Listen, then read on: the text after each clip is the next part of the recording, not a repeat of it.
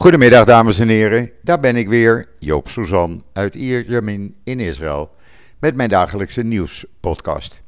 Ja, een overvolle podcast en het zal u eh, niet vreemd in de oren klinken als er veel coronanieuws in zit.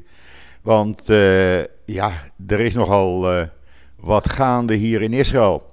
Maar eerst even het weer. Zoals u weet zitten we in een hittegolf. Nou, dat weten we inmiddels, dat merken we inmiddels. 38 graden is de gevoelstemperatuur. Een blauwe lucht, een zwak briesje. Uh, in de schaduw, bij mij op het terras, is het best uit te houden. Een briesje van zee, dat kan nog net. Maar het lekkerste is toch uh, bij de airco binnen in huis. Want de luchtvochtigheid is ook vrij hoog. Die uh, schommelt zo rond de 60, 65 procent.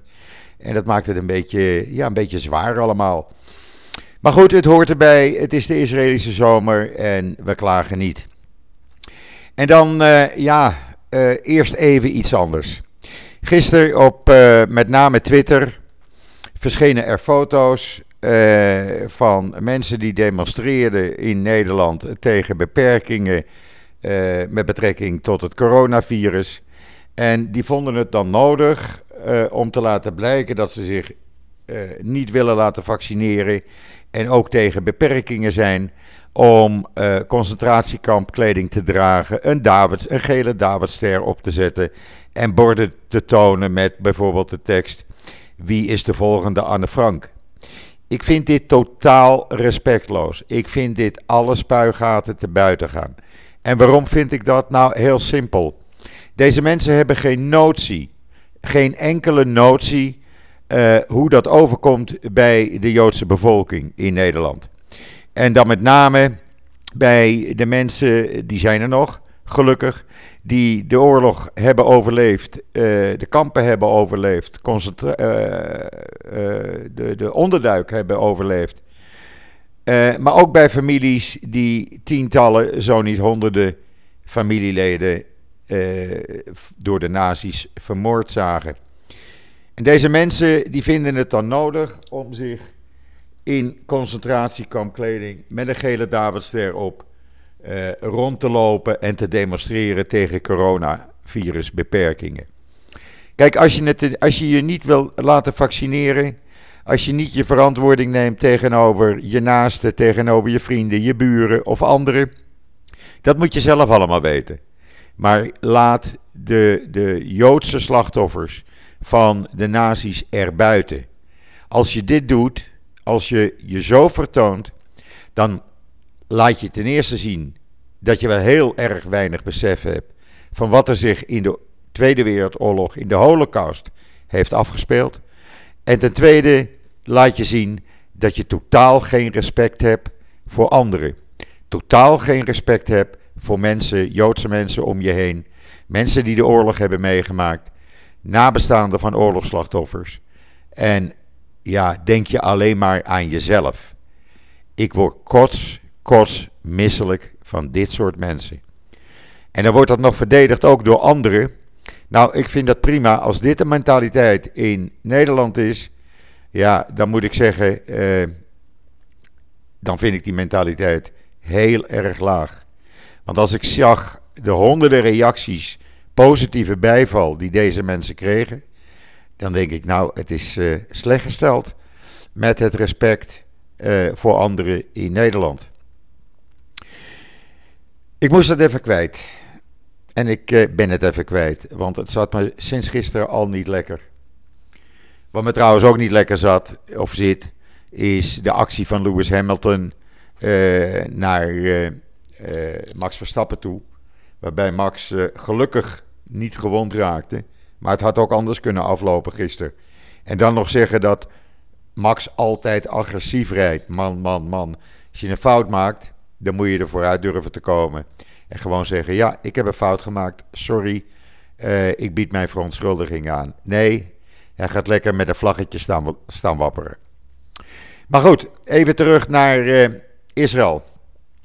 Nou, dat was een toestand gister, uh, gisteravond. Want toen kwamen opeens hoge ambtenaren van volksgezondheid met de uitspraken: ja, we gaan, we gaan adviseren dat het vliegveld dicht moet. niemand meer naar het buitenland. mensen die uit het buitenland terugkomen moeten zeven dagen in quarantaine. En we laten geen buitenlandse toeristen per 1 augustus toe. Ja, mensen zeggen sorry. We hebben anderhalf jaar binnengezeten. Wij willen er nu eens uit. En het is ons eigen risico. Oké, we zullen zorgen dat we niet besmet raken.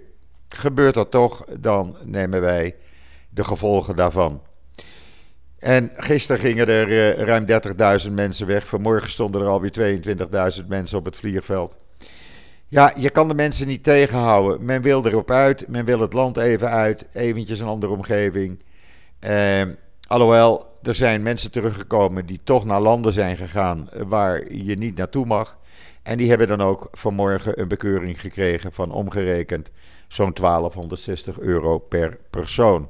Dat tikt lekker op als je met een familie van vier personen bent. Maar goed, dat moet je dan uh, zelf maar uh, als risico zien. In ieder geval, Premier Bennett uh, heeft daarop gereageerd uh, een paar uur geleden bij de opening van uh, de wekelijkse kabinetsvergadering. samen met de minister van Volksgezondheid. En die heeft gezegd van luister, we gaan dat helemaal niet doen. We, we, we gaan het vliegveld niet sluiten. We, ja, we adviseren mensen om niet naar het buitenland te gaan. Doe dat niet.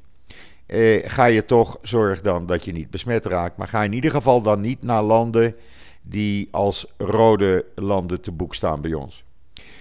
En, hij zegt: Ja, luister, eh, het enige wat we moeten doen is om eh, te zorgen dat we uh, die besmettingen uh, onder de knie krijgen. Nou, er waren gisteren ruim 800 besmettingen, iets minder dan zaterdag. Ik kom daar zo op terug.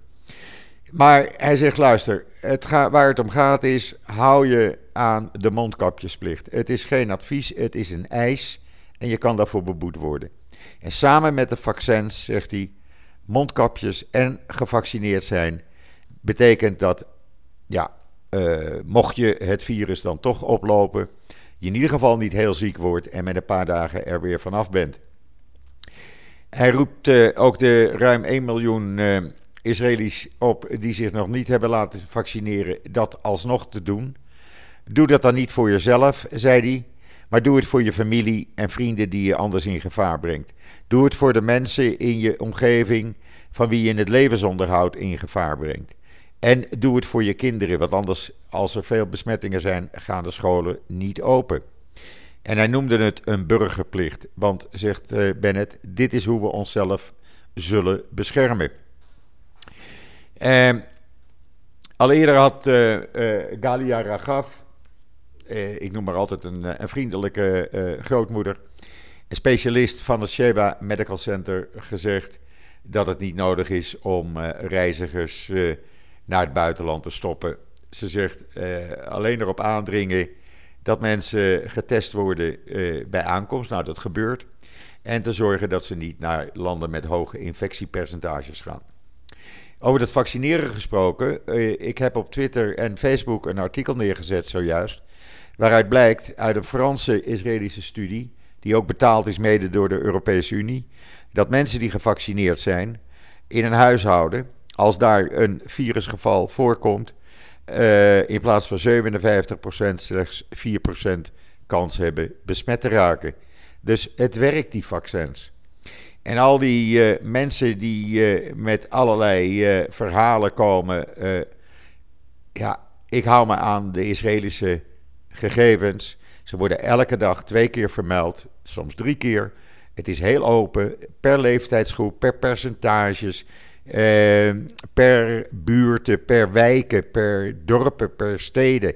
Over alles kan je eruit halen als je dat wilt. En men houdt niets achter. En dan even over uh, de besmettingen. Want u wilt natuurlijk weten hoeveel besmettingen wij dan hadden. Nou, uh, we hadden gisteren, uh, hadden we, om precies te zijn, 811 nieuwe besmettingen. nee, wacht even, dan moet ik even goed kijken. 829 nieuwe besmettingen. Er zijn ruim 56.000 mensen getest.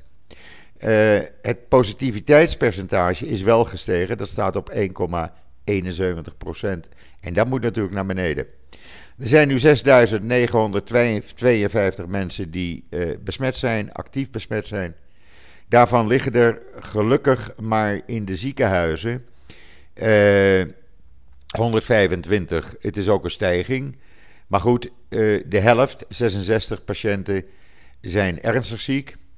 18 in kritieke toestand, 12 van hen aan de beademing. Dat zijn er zes minder dan zaterdag het geval was. Een gedeelte, zeg maar de helft van het aantal patiënten in de ziekenhuizen, is twee keer gevaccineerd. De meeste zijn boven de 60 jaar, hebben ook onderliggende klachten. Uh,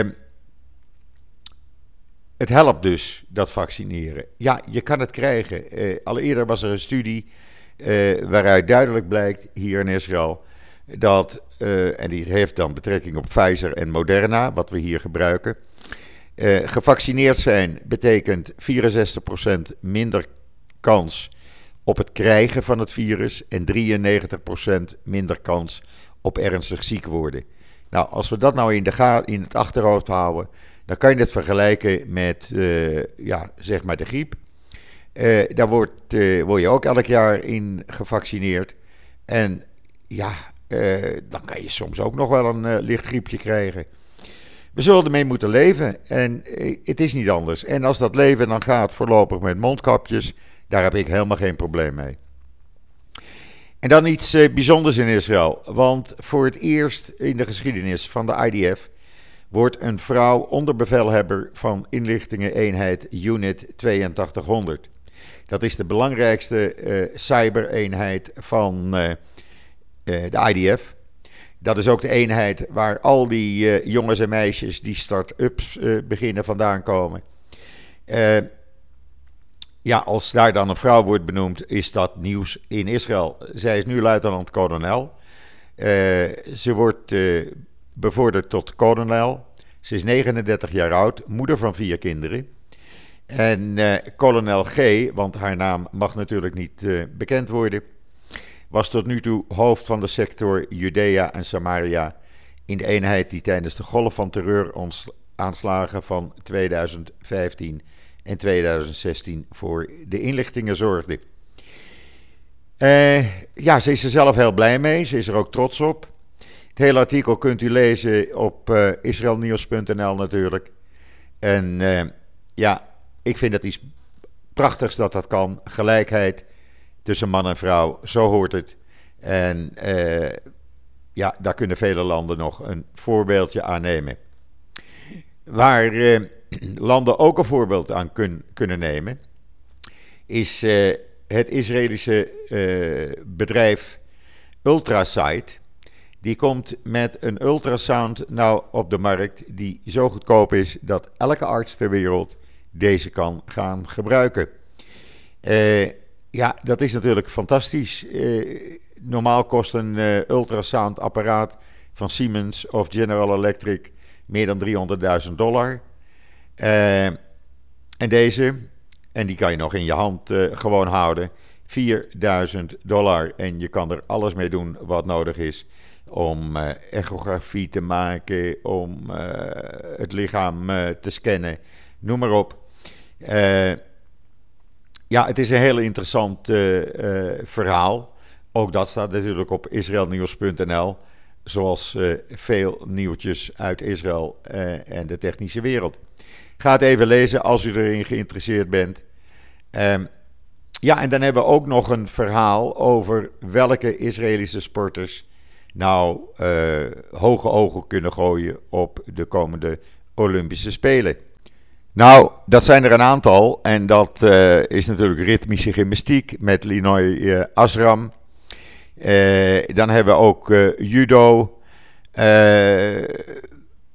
waar ja, zeg maar de, de, de wereldkampioenen eigenlijk uit Israël komen. Sagi Muku, Muku, Muki, hè? Moeilijk, makkelijke naam, maar moeilijk uit te spreken, sorry. Sagi Muki. Dat is ook de judoka trouwens die bevriend is geworden met de gevluchte Iraanse judoka. we hebben een aantal uh, para-Olympiërs die hoge ogen kunnen gaan gooien. We hebben schutters, we hebben zeilers, we hebben surfers en we hebben zwemmers. Nou, we gaan het allemaal meemaken natuurlijk. Vrijdag beginnen de Olympische Spelen. Ik kijk er in ieder geval naar uit. Want ik vind het altijd leuk om uh, allerlei verschillende sporten te zien. Het is jammer dat er geen publiek is. Maar goed, het is niet anders. Ehm, en dan nog even ter afsluiting dit. Ja, Israël uh, kosher eten? Ja, natuurlijk. Maar het Israëlische bedrijf Meotech, uh, een bio-foodtech bedrijf, die heeft aangekondigd dat het nu mogelijk is voor hen om varkensvlees uit cellen te gaan produceren. En dan zult u zeggen, ja, maar daar hebben jullie in Israël toch niks aan? Nee, maar de rest van de wereld wel natuurlijk. En ja, dan zeg ik heel simpel gezegd: handel is handel. Zij hebben dit uitgevonden. Kijk op het videootje wat bij het artikel op Israël Nieuws staat. En dan bent u weer helemaal op de hoogte. Ja, en dan voor de rest eh, eh, proberen wij een beetje te overleven met de hitte. Ik eh, ben vandaag niet echt veel naar buiten gegaan. Het was vanmorgen namelijk toen ik al uh, kwart over zes met de hond ging. Dat doe ik lekker vroeg, want dan niet alleen dat het stil is, maar dan is de temperatuur aardig. Maar toen was het 70% vochtigheid en het was al 28 graden. En ja, dan, dan denk je nee, dat wordt geen dag om lekker buitenactiviteiten te doen. Dus voorlopig maar even binnen zitten. Morgen neemt die hittegolf af. Tegen het eind van de week hebben we weer normale temperaturen. En normaal is dan rond de 30 graden, waarbij de gevoelstemperatuur rond de 33 graden zal liggen. Nou, dat vind ik lekker. Dan kunnen we zaterdagmorgen tenminste weer lekker met de hond op het strand aan de gang. Uh, wat mij betreft, uh, ik heb u alles verteld wat er hier in Israël leeft en speelt op dit moment. Hou israelnieuws.nl in de gaten. Hou mijn uh, Twitter en Facebook-account in de gaten.